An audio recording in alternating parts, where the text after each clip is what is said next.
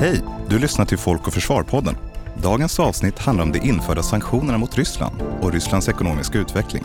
Jag heter Pasi Huikuri och är programansvarig för säkerhetspolitik på Folk och Försvar och kommer att leda dagens samtal.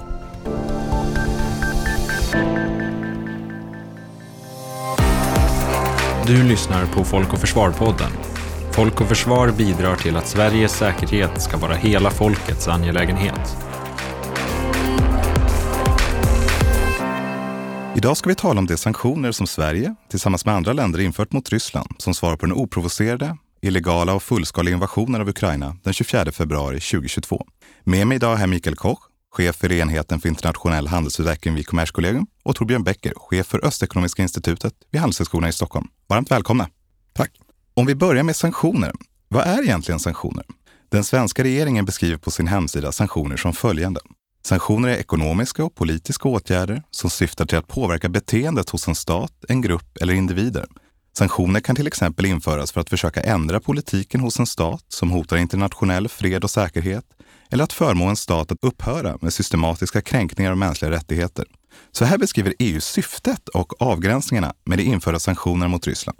Sanktionerna syftar till att försämra Rysslands förmåga att finansiera kriget och är särskilt inriktade på den politiska, militära och ekonomiska eliten som är ansvarig för invasionen.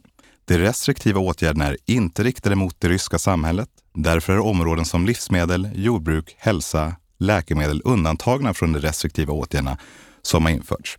Det var en lång harang, men om jag börjar med dig Mikael. Det infördes ju sanktioner redan 2014 för Rysslands annektering av Krim. Vad är det för sanktioner som införs nu efter invasionen 2022 och hur skiljer de sig från tidigare sanktioner? Eh, sanktionerna 2014 de var väldigt begränsade till vissa industrier, eh, vissa produkter.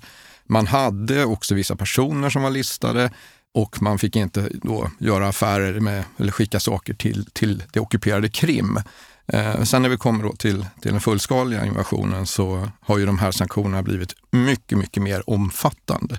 Så man kanske kan säga att 2014 kan vi se mer kanske som en signal, eh, en signal till Ryssland att det här inte är acceptabelt. 2022, precis som du har gått igenom nu och läst upp, så, så syftar man ju till att, att få ner den ryska förmågan att bedriva krig och slå mot den ryska ekonomin. Så vi ser mycket mer omfattande sanktioner. Det är många, mycket fler varor som omfattas.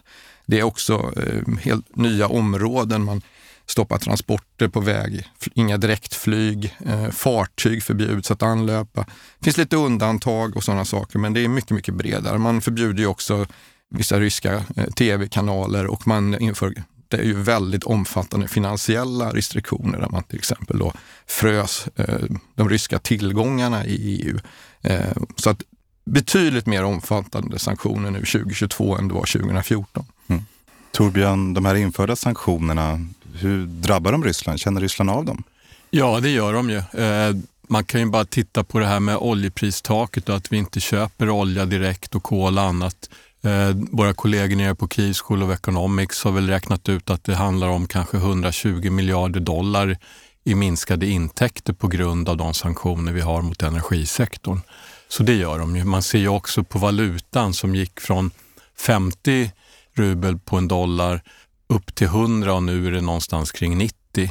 Så att det här är olika indikatorer av eh, hur de här sanktionerna har påverkat rysk ekonomi. Det man sen måste alltid ha med sig det är ju att vi som ekonomer, vi är ju vana att titta på den statistik som produceras av respektive myndigheter. Och I Rysslands fall så är det de ryska myndigheterna som producerar den statistik vi normalt tittar på. Och i nuläget så blir ju också den här statistiken en del av propagandadiskussionen kring just fungerar sanktioner eller inte. Därför blir det ju då svårare att utvärdera väldigt precis vad har effekterna blivit av sanktioner och det måste man ha med sig i alla diskussioner tror jag kring sanktioner mot Ryssland idag. Jag tänker, du pratar mycket om helheten av sanktioner. Är det någon specifik sanktion som kanske slår lite extra hårt eller som man har kunnat identifiera att den är väldigt effektiv? Absolut viktigast är ju oljepristaket. Det är ju den absolut största inkomstkällan, både när det gäller exportinkomster men också inkomster för statsbudgeten. Så det är ju i särklass den viktigaste enskilda sanktionen. Ser vi några sanktioner som inte fungerar? Nej, jag kan, tycker inte att man kan säga att vi har några sanktioner som inte fungerar. Sen kanske det är så att vi hade, man hade hoppats kanske på större effekter hos vissa sanktioner. Men jag tror att det är en diskussion, till exempel att vi konstaterar att i rapport nyligen att det finns en hel del kringgåenden eh, av sanktioner när det handlar om varor. Eh, och där kan man göra mer, men man måste ju samtidigt då säga att även ett kringgående gör att varan blir dyrare för Ryssland att få tag på. Så att jag tycker det är svårt det här med att definiera då vad som man menar med inte fungerar. Men, men jag skulle säga att sanktionerna fungerar, sanktionerna har effekt. Kanske de inte fullt ut alltid har den önskade effekten. Jag tänker om vi tar två exempel, Swift till exempel, skulle du kunna beskriva vad det är för någonting och vad sanktionen innebär? Mm. Swift är ju ett system för banker, eh, olika banker eh, runt om i världen att, så att säga, genomföra transaktioner sinsemellan och kommunicera sinsemellan. Eh, och det som hände då när början, eh, samband med den fullskaliga invasionen av Ukraina, det var ju då att man stängde av ett antal ryska och belarusiska banker från Swift. Och det innebär ju det blir väldigt svårt för dem så att, säga, att, att eh, utföra transaktioner med, med banker runt om i världen och framförallt i EU. Då. Eh, sen ska man ju då konstatera att det var inte alla ryska banker som, som eh, stängdes av från Swift. Så att det här är ju så att säga inte ett, inte ett fullständigt stopp för transaktioner, utan det finns fortfarande ryska banker som du kan ha transaktioner med. Och på det sättet så är det ju inte ett totalstopp. Torbjörn, du var inne lite på oljepriset, det är ju ett annat exempel. Skulle du kunna beskriva vad det är? För det pratas ju om ett tak. Jag vet inte om alla hänger med. att Det är inte tak på all olja, men en viss olja. Hur fungerar det där? Ja, så vad man har sagt är ju ett oljepristak som är 60 dollar per fat. Nu kanske världsmarknadspriset är 80 någonting och då om vi håller oss i det oljepristaket så blir det en, en discount på 20 dollar per fat för, för den ryska oljan och det minskar ju deras inkomster. Så det är ju grunden i det här. Det ska man då implementera genom att man har de fartyg som fraktar den här oljan, de ska ha försäkringar och service, ofta då i västliga eh, leverantörer av de här tjänsterna. Och genom att man då ska ha en skyldighet att kontrollera att den här oljepriset liksom eh, följs eh, så får man då göra service och ha de här försäkringarna. Men då är det så att ett sätt som Ryssland har kringgått det här det är att man har skaffat sin egen flotta med tankfartyg, det som kallas skuggflottan till, av en del. Och, och skeppar man då i de fartygen, då behöver man ju inte ha den här verifikationen på att det är 60 dollar per fat som gäller, utan då skeppar man det till det pris som en köpare är beredd att betala. Ehm, där har vi ju väldigt, väldigt stora utmaningar sen med den skuggflottan. Hur, hur ska vi hantera den? Och då ska man komma ihåg att det här är ganska gamla båtar, eller det är väldigt gamla båtar ur det här perspektivet när man tittar på hur tankermarknaden ser ut annars, som sen då inte har en fullgod försäkring mot oljespill. Och då går det hundratals sådana här fartyg genom Östersjön, för därigenom kommer ungefär 50 procent av Rysslands oljeexport. Så att, ja, det, det är problem med hur de kringgår de här sanktionerna helt enkelt. Ryssland får ju fortfarande in väldigt mycket pengar från just energiresurser och eh, fossila bränslen. Ryssland har ju sedan invasionen beskrivits att gå över till, gått över till en krigsekonomi och väntas under 2024 lägga 40 procent av statsbudgeten på försvar och säkerhet. Krigsekonomi, vad är egentligen det? Ja, det finns väl ingen helt eh, enig definition som alla tycker att det, det här är, men det handlar om att man i princip ställer om tillverkningsindustrier och arbetskraft och annat mot att producera vapen istället för att producera traktorer eller bilar eller bygga sjukhus eller någonting annat. Så att, och I den processen så går man ju lite då från ett mer marknadsekonomiskt tänk av, av ekonomiska resurser som fördelas eh, i samhället enligt någon sorts marknadsprincip mot någon mer planekonomisk resursfördelning där staten säger att nu vill vi att de här fabrikerna ska tillverka granater. Nu vill vi att de här arbetarna ska vara involverade i det här och vi som sagt lägger en väldigt, väldigt, väldigt stor del av statsbudgeten på just krigsmaskineriet. Det har man ju sett den likvida delen av den ryska förmögenhetsfonden. Kanske att likna lite vid den norska oljefonden så folk får en bild av hur stor den är, har mer än halverats sedan den 1 februari 2022. Det är en minskning med över 500 miljarder kronor samtidigt som runt 3 000 miljarder kronor i ryska tillgångar är frysta utomlands. Hur länge räcker de ryska pengarna? Ja, det kan man ju inte riktigt svara på för att det kommer bero på vad vi har för sanktioner ytterligare. Framförallt och vilket fokus vi har på att det här 60 dollars taket efterlevs på olja. Eh, men också hur, hur länge vi tycker att det är okej okay att köpa gas från Ryssland och andra råvaror från Ryssland. Så att det är den ena, det är intäktssidan så att säga. Sen har man ju alltid ett spelrum på utgiftssidan också. Så att det är alltid en funktion, bara, om vi skär ner på vad vi betalar våra läkare, om vi inte betalar ut pensioner i tid eller om vi inte bygger skolor och sjukhus, ja då kan vi ta de pengarna och lägga på krigsindustrin. Så därför finns det liksom inget svar på hur länge kan det här hålla på, utan det handlar om vi måste se till att den här prioriteringen blir mer och mer kostsam för Kreml. Det är det det här går ut på. Men i slutändan så är det upp till dem att bestämma hur de prioriterar sina eh, utgifter helt enkelt. Jag tänker en sista fråga där på rysk ekonomi. Rysk BNP föll med 2,1 procent 2022 för att förra året växa med 2,2 procent. Världsbankens prognos för i år är en ökning med 1,1 procent. Är inte det ett tecken på att sanktionerna inte fungerar när den ryska ekonomin växer? Ja, igen är vi tillbaka till att vad är det här för siffror vi tittar på? Eh, är det här en del av propagandamaskineriet som just vill få oss att tro att sanktioner inte fungerar? Det, det, får man ha med sig. Den andra delen av det här är ju dock att det är en gigantisk finanspolitisk stimulans man just nu ser med alla de pengar man stoppar in i krigsindustrin. Man låter fabrikerna jobba treskift, man betalar soldaterna mycket högre löner än vad de hade ute på landsbygden tidigare och så vidare. och Så vidare. Så att det som händer nu är snarare då ett resultat av att man spenderar så otroligt mycket pengar på kriget. Och, och det, det ger ju på kort sikt en ökad BNP, men på lång sikt så har man ju i princip skjutit upp sina pengar och man låter folk dö i kriget i Ukraina istället för att de gör någonting produktivt. Så att på kort sikt så får man en uppgång potentiellt, men på lång sikt så är det ju katastrofalt. En fråga som har varit väldigt stor i Sverige kopplat till sanktionerna det har ju varit genom att fartyg med rysk gas anlöper svenska hamnar, att det är just möjligheten för export av fossila bränslen som håller igång den ryska ekonomin har vi hört. Och här pekas just Sverige ut. Varför har det här varit möjligt? Går det att stoppa Mikael?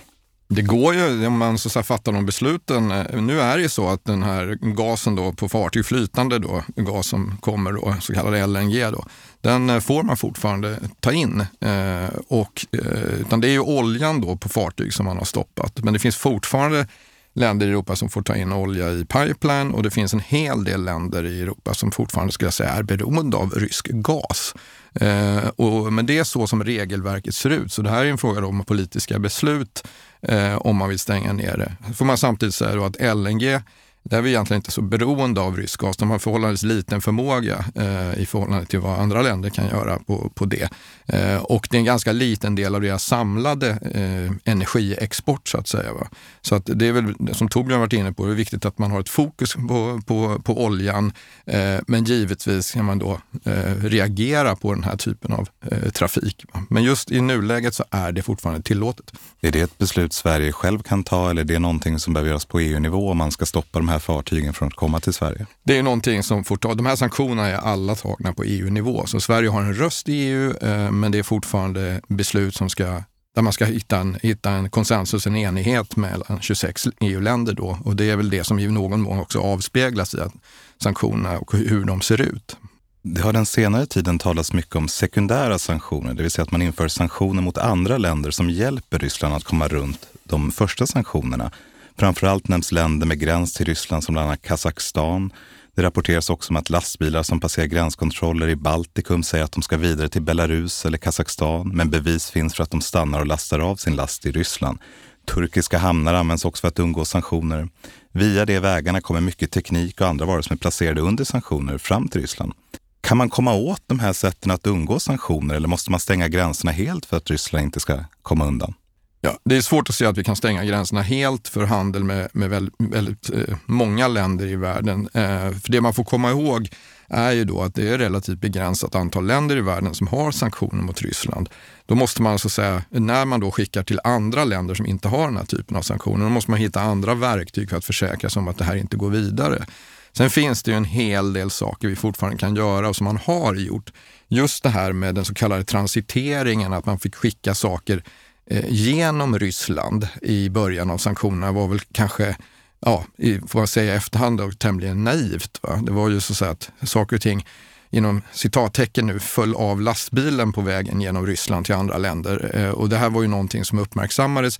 Så därför har man ju då försökt stänga ner den här transiteringen. Det är fortfarande möjligt för vissa varor.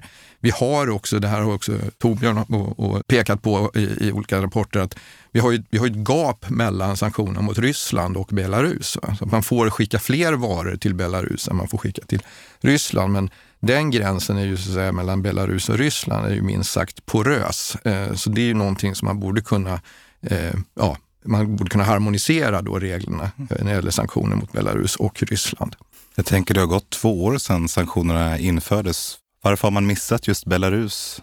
Ja, det är jättebra. Då får man ha insyn tror jag till de diskussioner som förs inom EU och det har inte jag. Eh, men jag kan konstatera att det har nog funnits olika intressen från olika länder. Det kan också vara, vara så, det här har jag inte heller någon insikt i, att man, man, men man kan då spekulera i att man har så att säga velat gå lite mjukare fram mot Belarus tidvis. För, eh, för att man har fortfarande hoppats att de så att säga ska besinna sig i sitt stöd till Ryssland. Mm. Som nämndes tidigare i inledningen är ju flera områden undantagna från sanktioner. Ett exempel har varit konstgödsel som är en sektor där eh, länderna varit försiktiga med, med anledning av just hur det skulle påverka livsmedelspriserna. Ryssland är en stor exportör. Finns det en möjlighet att länderna in, ändrar inriktning här och tar till tuffare sanktioner? Eller är, är det för känsligt just att det kan påverka globalt så hårt? Jag tror att man har varit väldigt försiktig, man är väldigt försiktig just när det handlar om gödsel. Man är väldigt noggrann med att påpeka det här att, att, eh, det finns inga, inga begränsningar för, för gödsel till, liksom, till tredje land. Därför att det var en diskussion hela tiden. Vem var det som så att säga var det kriget eller var det sanktionerna som påverkade livsmedelspriserna i världen? Så där tror jag att man är försiktig och, och eh, man är också givetvis orolig med de prisökningar som finns eh, på insatsvaror till jordbruket. Så att, ja, en viss försiktighet. Men man får ju komma ihåg, det här är ju fortfarande, det, allting är ju möjligt eh, och att, att vidta ytterligare eh, steg här. Det är ju helt enkelt politiska beslut inom EU. Då. I en analys som heter Förslag på åtgärder mot kringgåenden av sanktioner skriver Kommerskollegium att ett förslag på en åtgärd är att kriminalisera försök till sanktionsbrott för att det idag i svensk lagstiftning inte är förbjudet att försöka begå sanktionsbrott vid export av varor. Jag tror många som hör det här blir lite förvånade. Är det helt lagligt att försöka kringgå sanktioner och exportera valfria varor till Ryssland trots att i två år så har det varit huvudfokus i utrikespolitiken i hela Europa. Ja, det låter märkligt och vi blev också väldigt förvånade när vi fick eh, reda på det här. Då. Nu är det ju som tur är så, så finns det ju nu en, en, en utredning som håller på, att se över det här. Det finns ett arbete med att harmonisera lagstiftningen och eh, ska vi säga då, olika straffskalor och så inom EU eh, vad det gäller sanktioner. Och då ingår det här. Så att vi hoppas ju att det, det, här också kommer att bli olagligt. Det är, lite, det är lite konstigt. Jag tror bakgrunden till det här är att man har sett det som att brottet är inte begånget när man då har försökt och så har det stoppats då.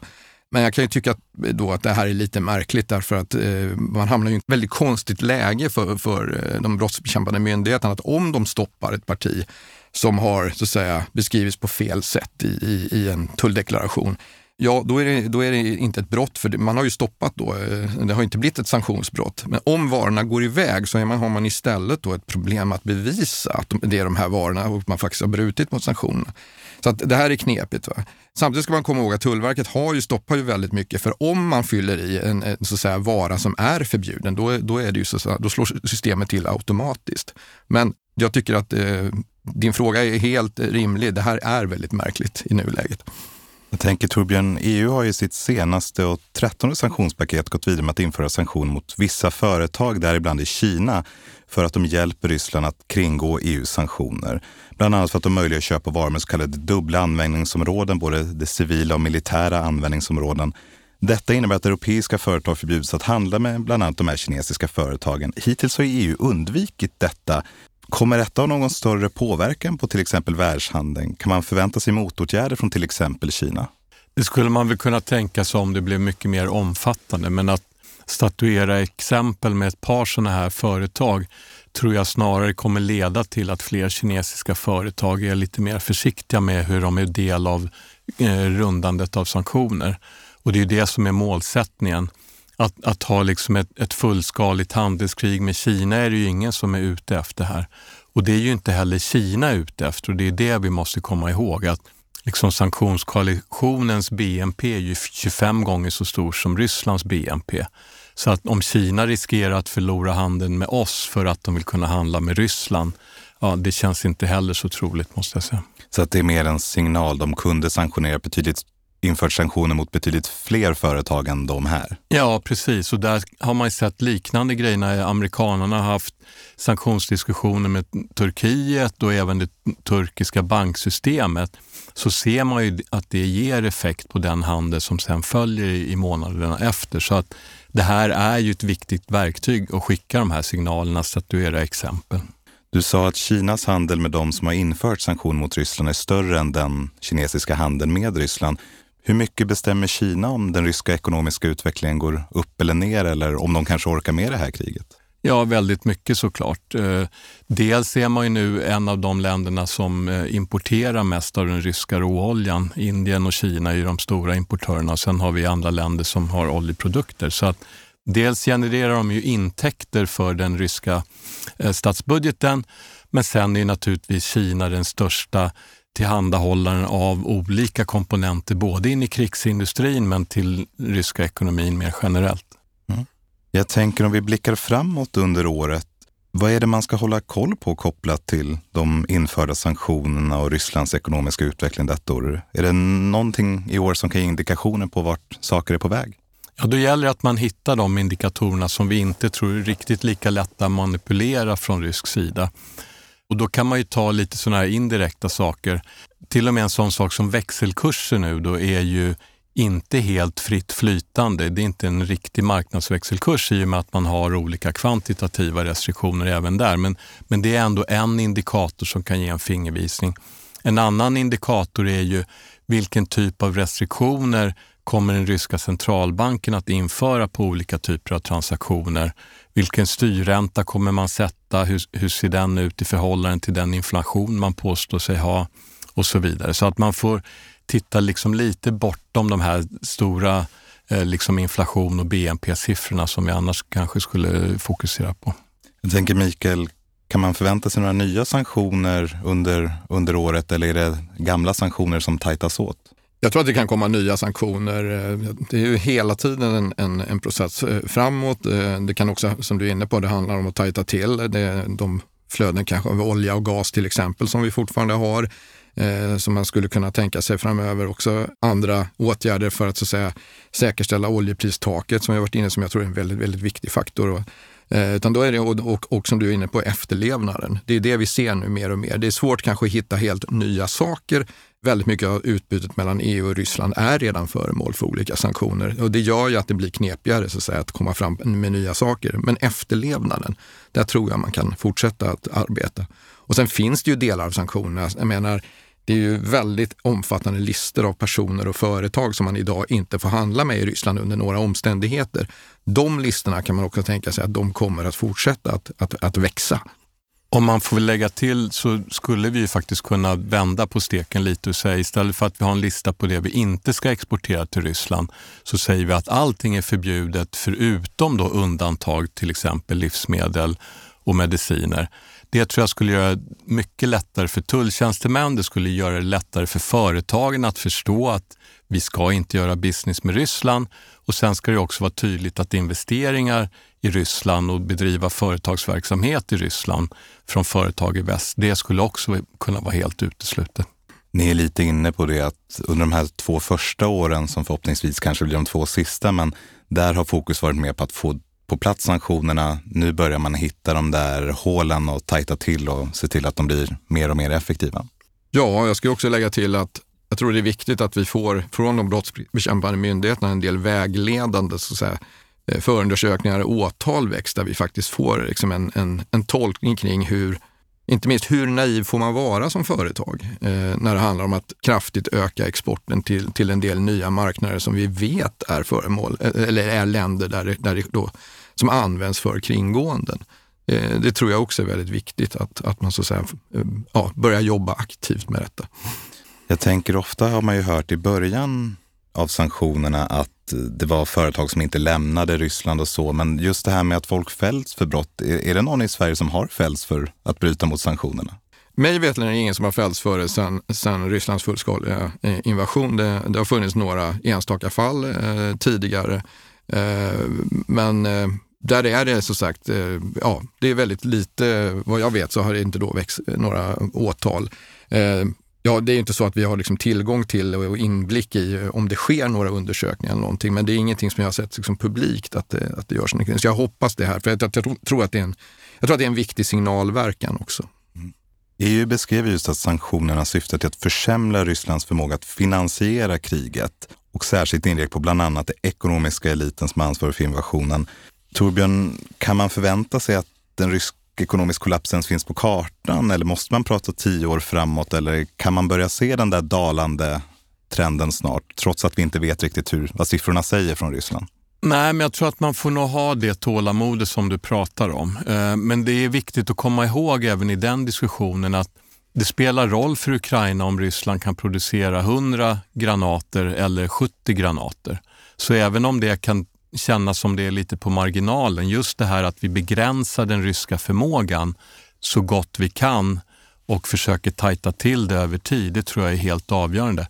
Och vi måste ju också förstå att om vi inte gör de här sanktionerna, då får ju Ryssland en helt annan tillväxtbana. Då fortsätter de att vara ett hot i år, om fem år, om tio år och så vidare. Så att det här är ju så att säga tyvärr en, ett långsiktigt spel nu mot Ryssland för att se till att de inte kan utöva den här typen av terror i sitt eh, närområde. Tack! Och det får avsluta dagens avsnitt av Folk och Försvar-podden.